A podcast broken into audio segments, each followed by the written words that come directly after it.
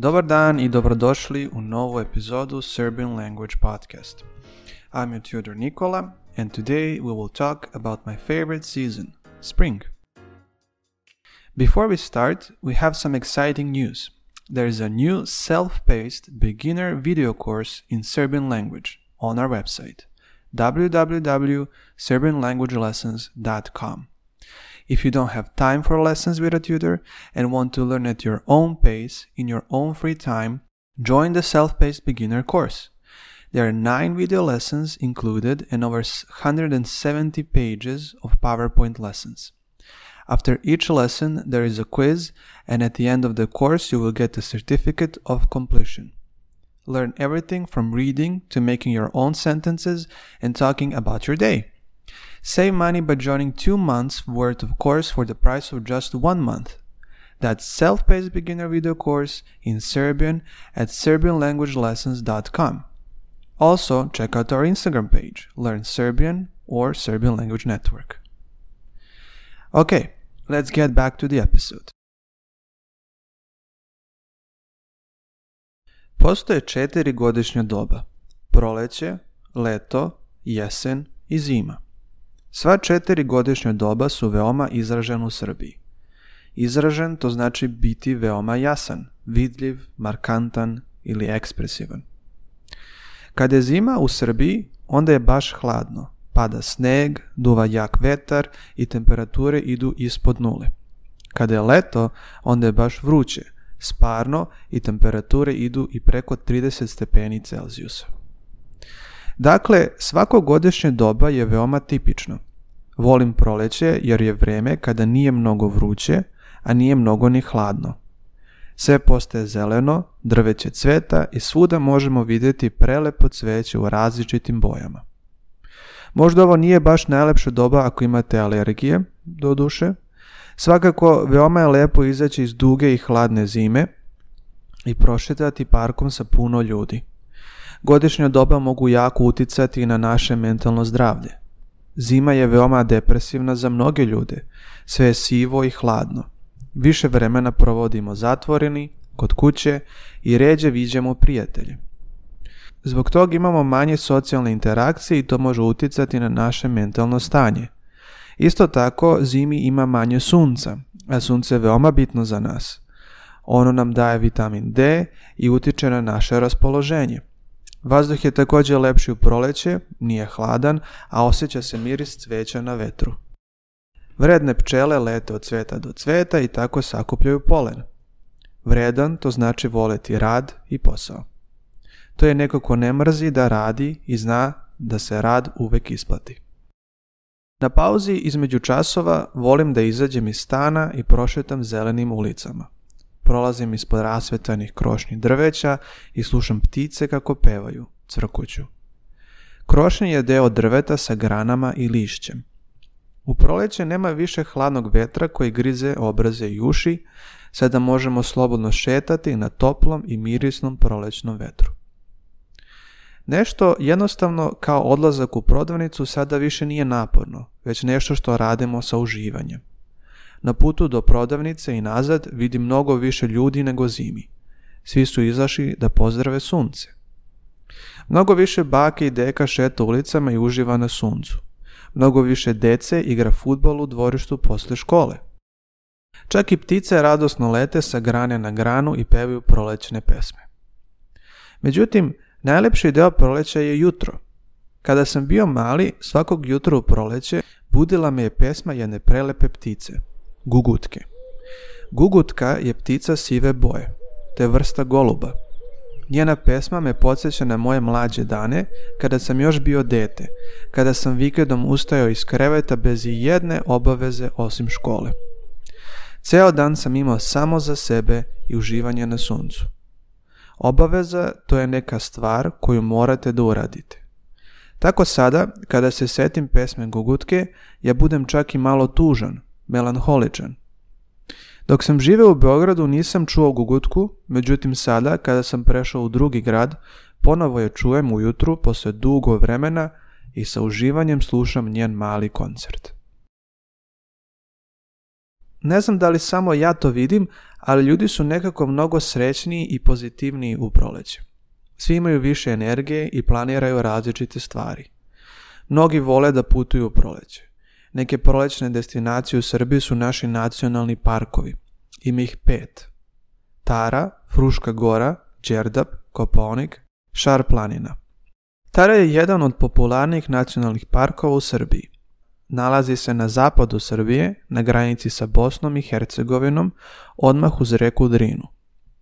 Površina ovog parka iznosi 24.991,82 hektara a najviši vrh parka je Kozji Rig, koji je visok 1591 metar.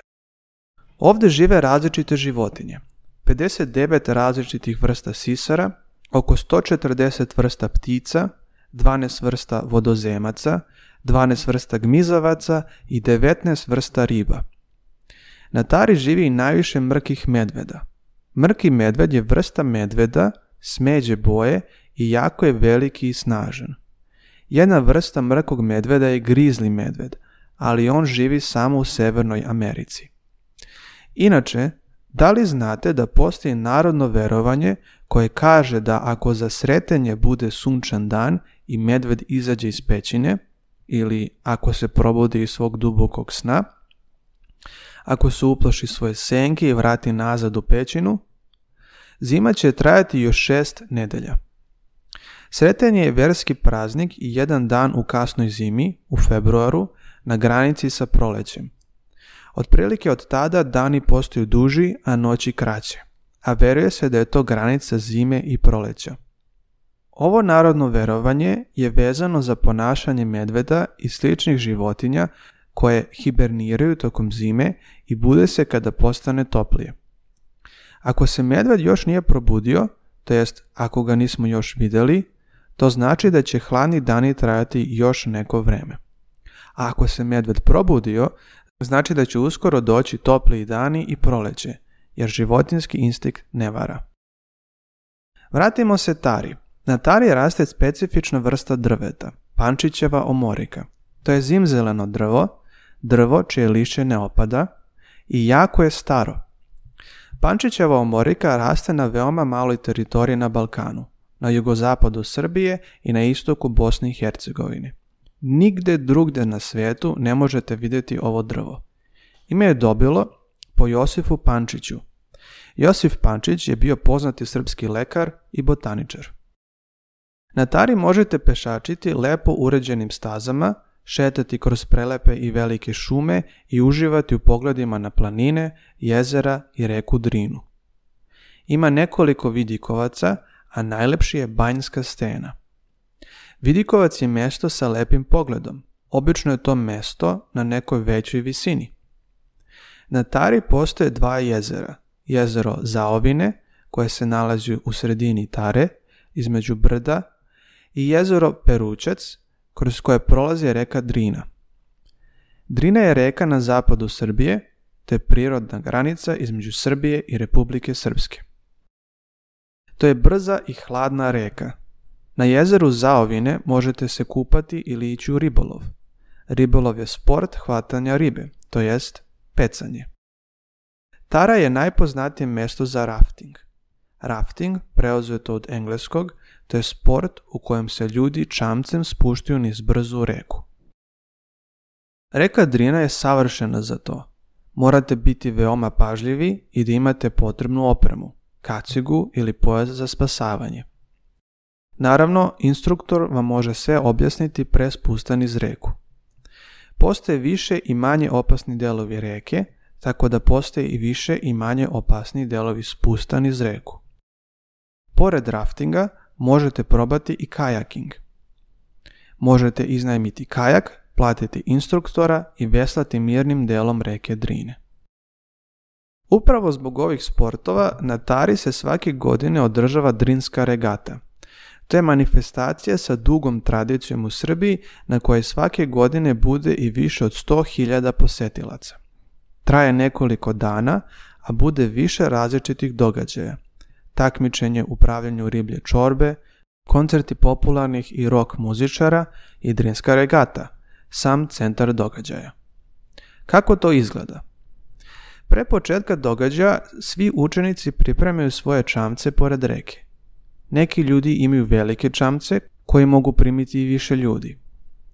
Kada dođe pravo vreme, svi sednu u čamac i počinju spust rekom do određenog mesta. Posle toga na tom mestu bude nastavak žurke. Uglavnom sviraju bendovi i bude dobra zabava. Dok traje spust, većina ljudi pusti muziku na čamcu i dobro se zabavlja uz neko piće. Naravno, da bi sve bilo sigurno, postoje spasitački timovi koji vode računa da sve prođe najbezbednije moguće. Još jedna zanimljiva stvar na Drini je mala kućica koja se nalazi na maloj steni na sredini reke. Zovemo je jednostavno kućica na Drini. Veoma je zanimljivo vidjeti kuću koja je okružena rekom sa svih strana. Ono što je meni najzanimljivije na Tari, ili barem u oblasti blizu Tare je Šarganska osmica. To je pruga u obliku broja 8 koja prolazi kroz prelepe delove sa šumom i prelepim pogledima na brda i planine. Najzanimljivije je to što je ovo stari parni voz. Možete da se vozite u starim vagonima sa kupeom i uživati u zvucima klackanja na šinama. Blizu Šarganske osmice je Drvengrad. To je grad izgrađen u potpunosti od drveta. A čovjek koji je izgradio ovaj grad je Emir Kusturica, poznati srpski filmski reditelj. Drvengrad je skroz funkcionalan grad. Ima svoju crkvu, prodavnice, kuće, bioskop, pa čak i ulicu Novaka Đokovića. Ovo je savršeno mesto koje možete posjetiti sa decom. Eto, to je Tara, jedno od mesta koje možete posjetiti i to u najbolje u proleće ili rano leto. Možemo pričati o njoj u budućnosti kada budemo pričali o ostalim nacionalnim parkovima u Srbiji. Još jedno dešavanje koje me asocira na proleće je 1. maj, dan rada. U Srbiji to je neradan dan. Zapravo može biti i nekoliko neradnih dana. Kako izgleda proslava ovog praznika? Pa, već mjesec dana ranije možemo čuti predloge o tome gdje se sve može slaviti. To je kao kada vas neko nekoliko nedelja pre nove godine pita gde slaviš novu godinu. E pa, sada pitaju gde ćeš za 1. maj. Iskreno, to jeste jako važan i uzbudljiv praznik. Uglavnom ljudi slave 1. maj u prirodi. Većina ljudi ide u selo. Znate da Srbe ima mnogo sela sa sve manje i manje stanovnika. Te prazne kuće u selima uglavnom budu pune kada slavimo 1. maj. Obično jedan prijatelj pozove ostale da svi slave u selu njegovih roditelja ili u selu dede i babe. Ovaj praznik je najviše popularan među mladima, jer naravno to je provod za pijenje mnogo alkohola i slušanje muzike ceo dan. Obično nekoliko nedelja pre praznika kreće planiranje.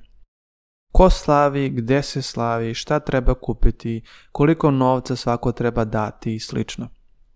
Jedan ili dva dana ranije ljudi idu u kupovinu jer je 1. maj neradan dan i većina prodavnica neće raditi, a u onim prodavnicama koje budu radile bit će prevelika gužva. Pošto se obično pravi roštilj, ljudi kupuju meso za roštilj, hleb, pivo, vino, sokove i to je ono što je otprilike najbitnije. Da bi iskoristili produženi vikend, neki ljudi krenu sa slavljem dan ranije a ostanu u prirodi ili na selu 2-3 dana. Kao tinejdžer slavio sam 1. maj svake godine sa društvom. Bilo je zanimljivo naložiti vatru, održavati je i peći roštilj. Naložiti to znači zapaliti vatru i stavljati drva u vatru koja već gori. uveče smo spavali ili u šatorima ili u starim kućama i delili smo sobe i krevete – Mogli smo da vidimo sela koje nismo ranije i da šetamo u prirodi u toku dana ako ne pada kiša. Muzika je jako važna za 1. maj, morate spremiti zvučnike, internet konekciju i struju za sve to. Ako ste negdje dalje od većih mjesta u bradima, često nećete imati signal na mobilnom telefonu. Roditelji onda brinu gde smo i šta radimo u nekom dalekom selu bez mobilnog signala. Možete čuti muziku u selu koje je nekada bilo prazno. Svuda ljudi peku roštelj ili celo prase iznad vatre. Uvek bude neka baka ili neki deka koji pokažu gdje je koja kuća i kojim putem možemo ići nazad do grada. Oni koji žele malo mirnije da provedu ove dane, odu sa porodicom u jednodnevni izlet u prirodi. Izlet je kada odete u prirodu na kraće vreme, Srbija ima prelepu prirodu gdje god da se nalazite, možete naći lepo mesto, pola sata od grada ili manje. Možete ići na neku reku ili jezero, na planinu ili ostati kod kuće u svom dvorištu i uživati na suncu. Neki vole da putuju i van Srbije. Ima mnogo turističkih programa za 1. maj van Srbije, putovanju Zagreb, Budimpeštu i slično. Kao što vidite, ovo je veoma bitan praznik u Srbiji i postoji tipičan način kako ga proslaviti. Nekoliko dana posle 1. maja dolazi veliki praznik, Đurđevdan. Kao i mnogi drugi praznici, ovo je prvo bio paganski praznik posvećen bogu Jarilu. Jarilo je slovenski bog plodnosti.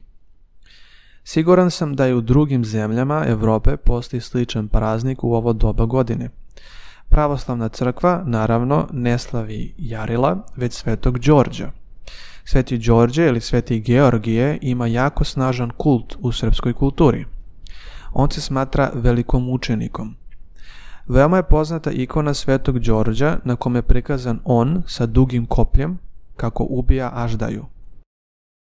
Koplje to je dugo hladno oružje sa oštrim vrhom, a aždaja to je mitološko biće koje liči na zmiju sa krilima. Nešto slično zmaju. Šta radimo na Đurđevdanu? Pa ovaj praznik je posvećen zdravlju, dolasku proleća, ženitbi i udadbi mladih i plodnosti useva. Usev to je naziv za sve što je posađeno, posijano sa namerom da se kasnije bere ili da se koristi za ishranu ljudi i stoke. To je na primjer žito, ovas, ječam, ali i povrće. U različitim delovima Srbije običaji za Đurđevdan su različiti. Na primjer, jedan običaj je da noć pred Đurđevdana ili na sam taj dan ujutru porodica okiti delove kuće zelenim grančicama ili vencem od cveća. Venac to je ukras ispleten od cveća i lišća, može se nositi na glavi ili koristiti kao ukras na vratima, prozoru i slično. Ovi venci i zelene grančice donose sreću i zdravlju kući. Ono što je popularno za Đurđevdan je Đurđevdanski uranak. Uranak to je kada rano ujutru pre izlaska sunca ustanete, spremite se i radite šta god ste planirali. Dakle, na Đurđevdan ljudi rano prezore pođu u prirodu, negdje u šumi, na livadi ili pored reke. Obavezno se ponese piće i jagnje koje se okreće na ražnju iznad vatre. Kada ostali dođu, jagnje će se već uveliko peći, a proslava ovog dana u prirodi može trajati ceo dan. Kažu da je na Đurđevdan dobro spavati da ne bi bolela glava. Još jedan interesantan deo Đurđevdana je običaj gdje mladići u ponoć odlaze do kuće gdje živi devojka kojem se sviđa i skidaju kapiju kuće. Potom bace kapiju negdje sa strane ili negdje dalje da je roditelji teže nađu i često moraju da je traže po selu. Veruje se da će devojka iz te kuće, gdje je kapija skinuta, da će se udati te godine. To je način da mladići izaberu devojku za udaju. Naravno, ovaj običaj nije tako popularan zato što sve manje ljudi živi u selima i sve manje mladih ljudi ima u selima. Ovi stari običaji polako nestaju. Poznato je i to da je Đurđevdan vrlo važan praznik za Rome. Romi su narod koji je veoma rasprostanjen u Srbiji. Rasprostanjen to znači da je prisutan na više mesta. Roma ima u skoro svakom gradu u Srbiji, najviše na jugu Srbije. Đurđedan je verovatno njihov najvažniji praznik. Ako želite da saznate nešto više u Romima u Srbiji, pogledajte filmove Emira Kusturice. Kao što vidite, Đurđevdan je veliki praznik za Srbije. Verovatno ste već čuli pesmu Đurđevdan u različitim varijantama. Moja omiljena verzija je sa trubačima. Ova pesma je jedna od najskupljih pesama koje možete da naručite na slavljima, svadbama i sl. Postoji romska verzija ove pesme koja se zove Ederlezi. Evo kako zvuči ova pesma kada je svira turbački orkestar.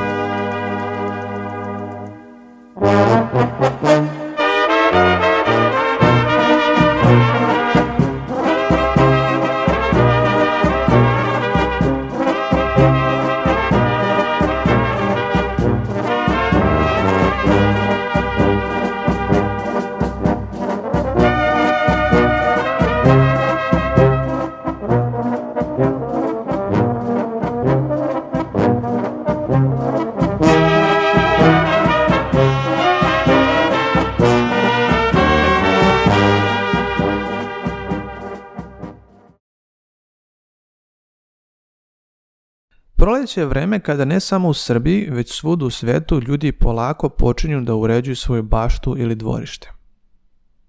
Čim postane malo toplije, pijace budu pune cveća i voća. Možete vidjeti baki i deke kako prodaju sveže, mirisne jagode ili bukete ruža ili lala. To možete vidjeti i na gradskim trgovima, pogotovo ako je neki praznik. Na primjer, Osam dana pre Uskrsa je praznik koji se zove Lazareva subota ili Vrbica. Na ovaj dan se obeležava vaskrsenje Lazara iz Vitinije.